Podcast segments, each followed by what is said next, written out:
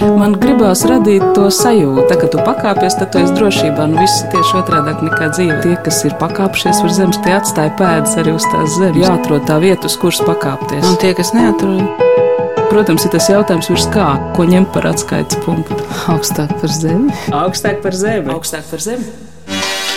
Uzvārds, vārds un tēvvārds. Zigmunds Skuiņš, Jāņdēls, Dzimšanas gads un datums, 26. gads, 25. decembris, dzimšanas vieta, Rīga. izpildāmais darbs, Par savu galveno nodarbošanos uzskata rakstniecību. uzturēšanās ārzemēs, kādās valstīs jūs esat pabijis. Japānā, Zambijā, Grieķijā, Itālijā, Tanzānijā, Marokā, Beļģijā, Rietumvācijā, Anglijā, Zviedrijā, Somijā. Piedalīšanās vēlēšana orgānos. Esmu bijis rajona padomu deputāts. Kādi jums ir valdības apbalvojumi? Ir goda raksts, ir ordens, goda zīme, ir goda nosaukums, nopelnījuma pagātais kultūras darbinieks, ir valsts prēmija. Un visbeidzot, kāds ir jūsu ģimenes stāvoklis? Esmu precējies, gribētu būt vectētiņš. Esiet sveicināti! Tieši tik tīši pieticīgi un ar smaidu atbildot uz Raita Kalniņa pistoles šāvieniem līdzīgajiem anketas jautājumiem, radioraidījumā Dzirkstel 1978. gadā sevi piesaka rakstnieks Zigmunds Skuiņš. Vēlāk šiem godu nosaukumiem pievienosies LPSR tautas rakstnieks, Latvijas Zinātņu akadēmijas godloceklis, arī atjaunotās Latvijas republikas laikā piešķirta prestižākie literatūras jomas apbalvojumi - Latvijas literatūras balva par mūža ieguldījumu, Aleksandra Čaka un Rīgas balva par dziļurbumiem pilsētas vēsturē. Mans vārds ir Anna Bušvica, un es turpinu vētīt radiofonotēku. Kāpēc gan nepajautāt Zigmundam Skoiņam pašam? Viņš joprojām ir mūsu laika biedrs, vecākais Latvijas Rakstnieku savienības biedrs. Taču jāteic, šis ir apjukuma laiks arī žurnālistiem. Šobrīd lūgums pēc intervijas vairs nav kā senāk, cieņas, interesētības apliecinājums, bet gan otra veselības apdraudējums. Zigmunds Kuņš pats ir strādājis kā žurnālists, gan laikraksta padomu jaunatne redakcijā, gan žurnālā Dādzis. Kā intervētājs viņš minēts arī dažu ciklu ciemos pie rakstniekiem un māksliniekiem, radioraidījumu pasītēs. Arī pats viņš ir intervēts šai ciklā. 1959. gads Zigmunds Kuņu intervē Ausma Indriksona. Godātie radioklausītāji, no Rīgas centra mūsu ceļš aizveda uz Rīgas nomali, uz Sarkandaugavu pie Zigmunda Skuīņa. Vīrs Skuīņa, jūs lūdzu atvainojiet mūs par traucējumu, bet mēs gribējām iepazīstināt radioklausītājus ar jūsu dzīvi un ar jūsu darbu. Un mēs vēlētos vispirms tā drusku atgriezties pagātnē un lūgt jūs atcerēties, kā jūs sākāt savus rakstnieku gaitas. Nu, tā jau jāatcerās diezgan tāda tāla pagātne. Jau 20 gadi būs apritējuši no tā laika, kad es sāku strādāt avīzes redakcijā par izsūtāmo zēnu. Tas bija 40. gada ziemā, jaunā komunāra redakcijā. Nu, toreiz es arī uzrakstīju savus pirmos pantiņus. Es vēl tagad varu atcerēties, tas bija tāds pants. Lūk, pionieris, puļķītis, tas puļka nav viss muļķītis. Ap skolu viņš bez lielām mokām trīs reizes apstaigā uz rokām. Bet tādi nopietnāki mēģinājumi, kad jums sākās rakstniecībā? Nu, pirmo stāstu es uzrakstīju 48. gadā. Tas saucās pāris ētai un tika nodrukāts bērnībā. Nu, pirmā grāmata ceļu un krustceļu un iznāca 54. gadā.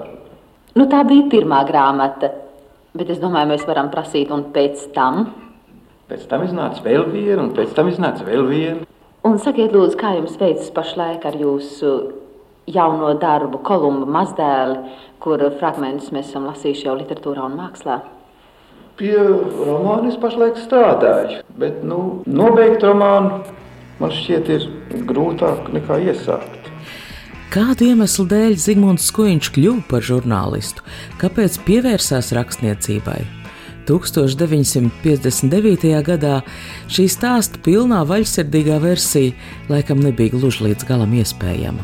2014. gadā, 22. novembrī, Latvijas Rādio 3 klasika ciklā Mūsu leģendas klausām lieliska rakstnieka sarunu ar žurnālistu Sandru Ņedzvecku. Taču arī šai sarunā atmiņas stāsts nesāks uzreiz. Atspērienu punkts, protams, ir Zigmunds Kuiņa grāmatas. Rakstnieks ir arī viens no visvairāk tulkotajiem latviešu autoriem. Mūsu leģendas.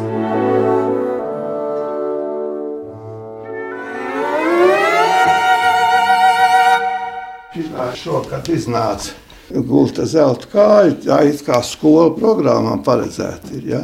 Ļoti skaisti izdeva ABC zvaigzni. Ja? Un tā ir šī angļu izdevums. Un tā. Un šī tā interesantā grāmata ir tā, kas izplatītāja. Tā ir Makmilāna ļoti slavena firma. Un viņi izplatīja Amerikā, Jaunzēlandē, un Austrālijā un Anglijā. Viņi visur runā angļu. Ja? Te, lai jūs redzat, Es biju pavisam jauns cilvēks, 61. gadā. Ja. Toreiz Kolumba mazdēlu viņiem likās, ka Staļins tikko bija nomiris, ka tomēr padomu savienībā par Kolumba mazdēlu, bet nu, tad tomēr viņi ielika iekavās Kolumba mazdēlu, bet viņi uzlika melodiju. Ja. Toreiz rakstīja visu tirāžu, pusmiljons, 500 tūkstoši. Ja. Vispār, teiksim, divi latviešiem romānu gazeti nekad nav iznākuši. Tas jau ir iznācis 89. gadā, kad jau gāja vaļā, bet nu, toreiz tur nu, vajadzēja būt labai literatūrai. Ja? Un, redziet, tas jau neko nefantazēja. Tur ir 3 eh, miljoni šī grāmata iznāca. Ja? Un tā 11. grāmata 11 valodās tulkot. Vienīgi man nekādas attiecības nav bijušas ar Vāciju, jo viņi bija tik bailīgi. Nu, es jau biju tāds tāds neriktīgs, par kuru nevarēja nekad saprast, par ko es tur rakstīšu. Tāpēc viņi no manis šausmīgi baidījās, un es arī biju ļoti priecīgs. Es, starp citu, es izbraucu visu pasauli, bet uz Vāciju es nekad neesmu bijis. Un Parīzē divreiz, un Anglijā, un Amerikā divreiz, Āfrikā, bet uz šito gan es nebraucu. Bet tur ir ļoti interesanti lieta. Es jau biju atbraucis no Vācijas, jo man jau aizveda 17 gadu vecumā. Tāpēc, ka es biju dzimis 25. decembrī, ja es būtu sešas dienas vēlāk piedzimis, tad es būtu 27. gadā, un tad man vācieši nebūtu iesaukuši vairāk. Es neesmu nevienu stundu jutis kārt. Tā arī vesela leģenda. Ziniet, ko es darīju? Es ņēmu un iešāvu rokā, par ko draudēja nāves sots. Bet es domāju, nu, ziniet, karš patiesībā zaudēts. Tas notika pirmajā dienā, kad mūs ieveda tajā rajonā, kur nu vajadzēja kaut ko turēt, bet tas jau bija dziļi Vācijā. Man ielika tūlīt sanitārā vilcienā un aizveda uz vienu skolu, kur bija beidzot iekārtot slimnīca. Ja? Netālu no Hollandas un Beļģijas. Tā bija vieta pie pašas robežas. Un tad man ieveda tajā slimnīcā. Tur bija vēl vecā sajūsma, skolnieki dziedāja un es puķis mums un viss kaut ko un tā. Bet tur nebija rentgena aparāts. Viņi teica, ziniet, bet bez rentgena mēs jūs nevaram neko sūtīt. Nu, viņi jau arī negribēja vairs karot. Tā es nodzīvoju līdz tam brīdim, kad nāca jau virsū angļu amerikāņi. Viņi bija izcīnījuši smagas kaujas Ardenos, un viņi nāca jau iekšā Vācijā. Un man tie vācieši palaid vaļā. Viņi iedeva man tādu zīmi, meklēt savu daļu. Iedomājieties, kas toreiz notika Vācijā. Tur bija tas pats, kas notiek tajās augšā zvaigžņu sfērās. Tur riņķo kaut kādas milzīgas masas, ziniet, ar miljoniem zvaigžņu. Viss kaut ko meklēja, viss kaut kur skrēja, viss kaut kur glābās. Šajā īsajā intervijas fragmentā es saklausu divas Zigmundam Skuiņam raksturīgas īpašības. Viņš apgalvo, ka karā būdams tajā nav nodzīvojis nevienu dienu. No vienas puses neiespējami, ka karš nebūtu atstājis traumatisks pēdas, jo īpaši jaunu cilvēku dzīvē, taču šī jaunekļa iekšējā dzīve, acīm redzot, ir tik rosīga un radoša, ka spēj atrast izēju no uzspiestajiem apstākļiem. Kas tālāk notiek? Ar stāstījumu aprakstīto jaunekli. Zigmunds Skuiņš satiek draugus no slimnīcas lejas saksijā nonāk Latviešu leģionāru nometnē, tur valda bats jukas, kas arī diktē tālāko izvēli uz savu roku doties mājup uz Latviju. Tā es atbraucu un pieteicos Rozentāla mākslas vidusskolā. Bet, nu, vajadzēja jau kaut ko pelnīt. Ar. Nu, man bija māsa pelnīja, un viņai bija trīs bērni. Vīrs bija pazudis kara laikā, viņš bija lidotājs Latvijas aviācijas fulkā. Tāpēc es iegāju padomu jaunatnes redakcijā, kur īsi pirms sākās pie krieviem pirmo gadu skolu. Es iegāju darbā par izsūtāmo zēnu. Tas bija 40. gadā, tad man bija tikai 14 gadi.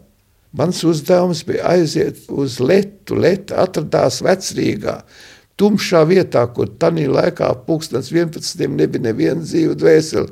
Tas ir tur aiz tagadējā Rīgas pilsētas tā nama.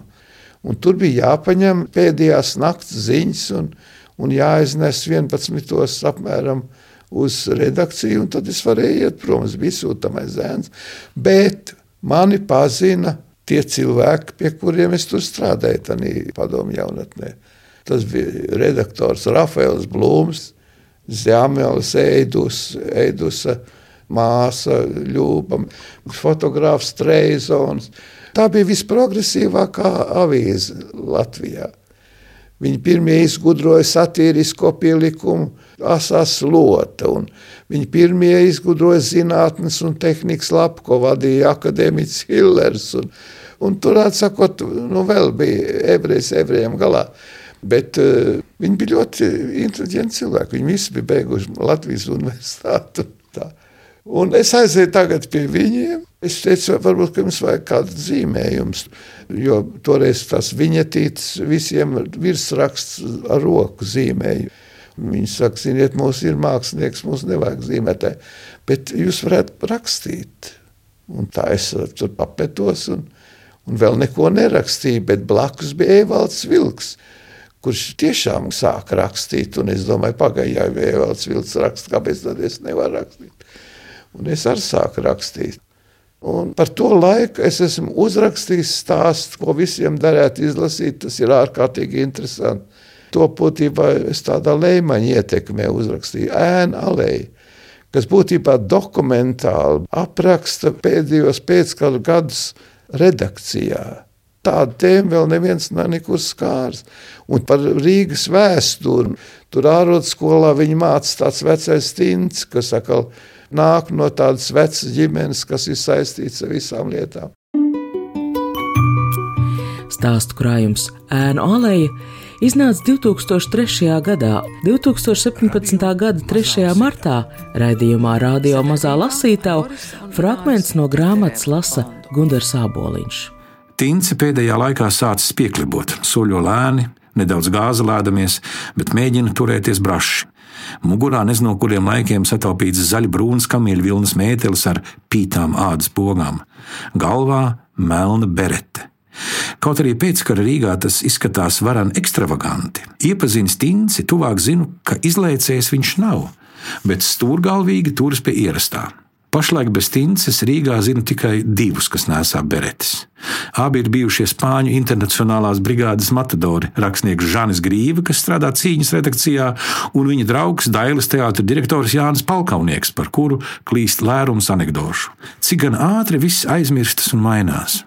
Atmiņa tāfeli tiek nodzēsta ne nu tieši pēc katras stundas, kā skolā, taču lielā steigā. Tikai pirms nedaudz gadiem cienījami kungi nesāja cilindrus un katliņus.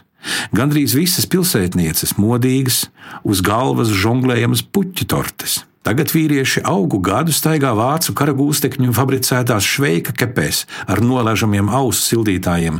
Sievietes skrien vilnas vai koku vilnas lakatos, vienīgi slavenas aktrises, tautas mākslinieces, braucot uz viesizrādēm Maskavā, uztupinas kapjos saglabātas jaunības gada relikvijas, izskatīdamās kā griguļu komēdijā uz kuru ostu, apsmietās buržuju madāmas. Vēlreiz no 2014. gada sarunas klasikā ar žurnālisti Sandru Ņedzvecku. Piemēram, es iemīlējos grāmatā. Es aizgāju vienreiz kārtot savas lietas uz izdevniecību. Un, un, nu, pašreiz redaktors aizņemts ir. Pagaidiet pie galda un tā un tā. Nu, es sēžu pie tā galda, skatos, kas tur viņiem ir. Tur ir viens manuskripts. Tāds lampedūzs, zini, nu, tāds Un nosaukums ar tāds pavisam jocīgs - gepards. Ziniet, un es sāku šķirstīt, es atšķiru pirmo lapu. Un manī kaut kas tā piesaista, ka es zinu, ka šī grāmata tā ir manējā. Man viņi ir jādabūna man viņi ir jālasa. Es nopērku 64. gadā, nopērku liesmu izdoto grāmatu. 65. gadā es uzrakstu sapņus. Es no viņa iemācījos to, ka rakstot par lielām pārvērtībām, un vislabākās grāmatas ir tās, kas tiek papildināts nevis ar to vien, ar privātās attiecības, lai tik, cik būtu interesanti, viņas ir tomēr mazsvarīgas. Viņas vajag savienot ar kaut kādām lielākām pārmaiņām, ar revolūcijām, ar kariem. Ja ņemiet ievērojamākās grāmatas, piemēram, Kāru un Mieru, ja? nu, tas nav vienkārši Anna Karēņina. Ja? Tas ir tomēr kaut kāds lielāks darbs. Un, um, ja, piemēram, savā laikā vējiem līdz ārkārtīgi ilgi turējās Amerikā Margarita Mitchell, tāda rakstniece, kas bija uzrakstījusi vienīgo grāmatu, es nevaru noliegt, ka es tur kaut ko neesmu iemācījies no viņas. Zin. Un tas, kas iemācīties, bija tas, ka viņi raksta nevis no, no tās pareizās puses, bet patiesībā viņi raksta no nepareizās puses. Saprotiet, jo viņi uzrakstīts vējiem līdz no, būtībā no dienvidnieku puses, kas aizstāvēja vergu būšanu. Un viņi pierādīja, ka tā otra puse neko labāk neizdarīs ar tiem neģeriem. Ka tur viņiem ir savas tādas ģimeniskas attiecības gandrīz, un saprotiet, ka vajag rādīt no otras puses, ka vajag rādīt būtībā nevis tos notikumus, bet šos cilvēkus šajos notikumos, kā viņi viņus pārveido, kā viņi viņus vai nu salauž, vai norūda, vai tur ir tas lielums, kas vajadzīgs. Un tāpēc es arī tagad būtībā tā rakstu. Ziniet. Sapņi no 1968. gada krājuma Zebras āda varbūt ir pirmais, bet noteikti nevienīgais stāsts, kurā šifrēti vai vārdā nosaukti darbojas kāda vēsturiska personāža. Šobrīd Stāmeriens pils atzimst. Pirms gada klajā nākusi brīnišķīga Vācijas, Latvijas, Itālijas kopražojuma dokumentālā filma Gepārds dzimšana. Iespējams, ka arī Zigmunds Skuiņš ar savu dziļo interesi un prasmi cilvēciskot vēsturi ietekmējis šīs atmiņas saglabāšanu. Man interesē Zigmunds Skuiņš kā sabiedriski aktīvs cilvēks. Cik daudz no viņa uzjundītā, mudinātā mūsdienās ir guvis turpinājumu. Radījums dzirksteli, rubrika intervijā klausītājs 1978. gads. Valde no Rīgas raksta, ka nesen noskatījusies jūsu lūgas veiksmīgais mīļais Blaumani. Viņa grib jautāt, kāda ir jūsu attieksme pret Blaumani un pret viņa darbiem. Viss, vislabākā tas viens no laimīgākajiem laikiem manā dzīvē, kad es šo lūgu mm, rakstīju. Daudz meklēju dažādas materiālus par tiem laikiem, lasīju avīzes tā laiku. Un, un satikos ļoti daudziem cilvēkiem. Tas viss ir pateicīgs materiāls. Tas ir brīnums, kāpēc līdz šim vēl neviens to nebija dramaturgijā izmantojis. Blaumans ir nopelnījis, lai arī viņu parādītu tieši kā cilvēku un kā rakstnieku. Rujeniet, Aina Dabo rakstā, labdien, Zigmunds Kuņš. Jūsu darbus lasu ar lielu interesi. Žēl gan, ka vēl neesmu paspējis redzēt jūsu lūgu par Blāmanu. Drīz Liepājas teātris viesosies Rujenā un noteikti tieši skatīties. Priecājos, ka jūs esat pievērsies dramaturģijai. Gribētos, lai jūs uzrakstītu arī par Veidenbāmu. Man jāsaka, atklāti, ka es par Veidenbaumu vēl maz ko zinu, bet es esmu pārliecināts, ka tur ir iekšā noteikti lūk. šis žanrs, kur mēs tā biogrāfiski apskatītu savus ievērojamākos kultūras darbiniekus un parādīt arī visus tos apstākļus, kādos risinājās viņa darbs. Man šķiet, ka tas ir viens no tādiem pateicīgiem darba laukiem. Vai tam nu tā būs, kad mums šis lielais lauks paliks tāds neapārts? Es domāju, ka arī mūsu rakstnieki kaut ko darīs. Un, un ir jau, piemēram, lielais Kalniņa romāns par Rainu. Arī mm, interesanti ir Saucerīts viesis monogrāfija par Aspāziju. Bet e, tas vispār ir tikai pats sākums. Tas ir pats sākums. Mums vēl ir bezgalīgi daudz iespējas, un es esmu pārliecināts, ka tas varētu interesēt gan mūsu lasītājs, gan skatītājs teātrī. Intervija tapusi 1978. gadā, tātad pagājuši 42 gadi, un iznāk pirmais romāns izdevniecības dienas grāmata Latviešu prozas un literatūras zinātnes miedarbas projektā Es esmu.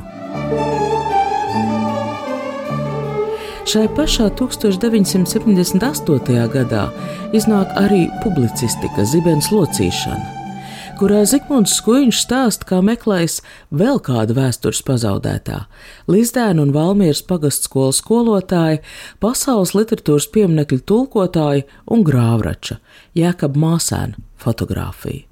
1994. gada raidījums Mājas svētība iztaujā Lija Guļevska. Kurā brīdī sākās jūsu interese par jēkabu māsēnu? Atceros no savu tēvu, ka viņš mm. stāstīja, ka viņam ir bijis tāds ārkārtīgi bargs skolotājs. Man bija ļoti vecs tēvs, es viņam 11. bērns esmu. Viņam bija jau 58 gadi, kad es piedzīvoju. Un tā kā saprotiet, ka tie bija pavisam citi laiki, kurus man bija grūti saprast. Tie bija tāli, tāli, sen, sen laiki. Jūs arī pats esat no tās puses, jūs mēģinājāt sākt dzīt pēdas cilvēkiem, kur varētu būt kaut kādos sakaros bijuši ar māsēnu vēl dzīvi un viņa atceras. Man šajā lietā visvairāk um, ieinteresēja tas, ka šim cilvēkam, kas nomira 27. gadā, tas jau nav nekāds aizvēstures laiks, un tomēr no šī cilvēka mums nav fotografijas. Nebija tajā jā, laikā. Jā. Un es sāku meklēt šīs fotogrāfijas, sāku meklēt cilvēkus, kas varētu mm, zināt kaut ko Tur atklājās ar vienu ar vienu. Tas bija tāda, jo dziļāk tur gāja iekšā, jo atklājās jauni cilvēki. Kas tad viņš gal galā bija? Kāds cilvēks, kas iedomājieties, ko viņš viss ir izdarījis. Viņš ir Faustu iztulkojis, viņš ir uh, Iliādu iztulkojis, Homēra, viņš ir uh, Kamuningša Luziādu iztulkojis, viņš ir iztulkojis um, Kanta darbus. Ļoti interesanti klausīties, kā šai stāstā atklājas viena cilvēka liktenis. Raidījuma sākumā skan Zents Mauriņas cildenie vārdi. Viņa jēkab māsēnu kā pašradītu cilvēku raksturo savā grāmatā par Danti. Ir vēstures stāsts, liecība, kā Kārlis Ulmans, apmeklējot burtniekus, uzzina šī cilvēka traģisko dzīves stāstu, viņš tobrīd jau mīt nespējnieku namā, un piešķir jēkabam māsēnam lielāku naudas summu. Zigmunds Kuiņa runāšanās ar cilvēkiem atklāja mums gluži citu jēkabu māsēnu. Pēc tam mēs uzmeklējām māsēnu brāļdēls Jānis un Pēters. Tajā laikā tie bija jau, arī jau veci, jau, jau ap 80 gadu. Viņi mums būtībā pateica, ka bildei katrā ziņā ir jābūt zirņu martai, kas dzīvojusi Jēlgavā, un ka viņi pat zina, kāda, ka tur ir māsēns bijis ļoti švītīgā tādā Panamas salmu cepurē ar ar spieķi pie rokas, kā tā laikā bija modē. Un, un tā nu es sāku meklēt to zirņu martu. Bet 78. gadā iznāca šī mana grāmata Zibens locīšana, kurā ir arī šis raksts izgaisusi, patiesībā sakot, nodzīsusi seja, jeb izmeklēšana nu, no, jēkab māsēn lietā. Izdzisusi seja. Man atraksta, atraksta kāds cilvēks no cēsīm, no vidzemes. Viņš man atsūta tādu, nu, tādu manuskriptu. Es saprotu, ka tas ir arī publicēts. Tas ir pa tiem virzieniem baznīca. Baznīca.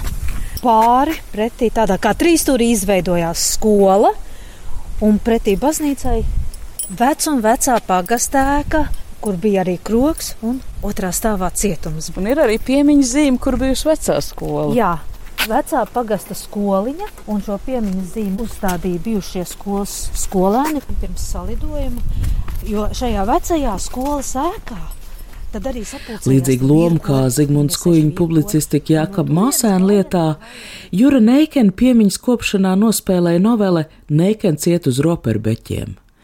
Dikļu dziesmu svētku ekspozīcijas vadītāja Inita Hihalovska 2015. gadā man izrāda dikļus, tur tagad tapus jaunā Neikenkalna dabas koncertzāle, taču Jūra Neikena piemiņas modināšana saistīta ar dikļu vecās, uz entuziasmu pamata, pašu diklēniešu celtās estrādes stāstu. Un Edgars Luste atgriezies pēc represijām. Viņš jau īstenībā ar kultūras darbu nevarēja nodarboties. Noved pētnieks Edgars Luste, kurš mudinājis estrādes celšanu, bijis arī tas, kurš Zigmunds Kuiņu ieinteresējis par dziesmu svētku tradīcijas iedibinātāju Jurnēkenu likteni. 1974. gadā publicēta novela, 1975. gadā Zigmunds Skuiņš kopā ar tēlnieku Andreju Jansonu Umurgas kapos uzmeklē bez atļaujas uzstāda piemiņas akmeni Jurim Neikenam. Zigmunds Skuiņš joprojām ir klātesošs arī latviešu literatūrā. Viņa jaunākā grāmata, aplikācija par rakstnieku un laikmetu, iznāca 2018. gadā un tapa tā kopā ar meitu, tekstilmākslinieces tulkotāju Ingu Skuiņu. 2014. gadā Sandra Ņedzvecka jautā Ingai Skuiņai. Vai Zigmundas Kuiņa apgalvojums, ka tagad gan vairs viņš neko nerakstīs, vai tas ir nopietni? Es domāju, ka jā, bet viņš raksta vēstules. To jau viņš neskaita pie nopietnām lietām, bet tas viņam ir ārkārtīgi vajadzīgs, jo viņam ir tiešām brīnišķīgi tie vēstuļu draugi. Teiksim, daudz labāk viņš kontaktējas vēstuļu formā nekā aci pret aci. Viņam tā komunikācijas māka nav tik attīstīta, kad viņš nonāk aci pret aci ar cilvēku, viņš samulst, viņš kļūst kautrīgs, viņš tā kā zaudē to, to līniju. Bet, viņš sarakstās ar cilvēkiem, tad tās draudzības ir vienkārši fantastiskas. Viņam ir biezas, biezas gadu gadiem nu jau krājušās vēstuļu pakas ar veltu sniķeri Anglijā. Viņam ir vēstuļu pakas ar uh, Rītu gāli Amerikā, viņam ir vēstuļu paka ar Imantu Ziedoni, viņam ir vēstuļu pakas ar daudziem, daudziem cilvēkiem.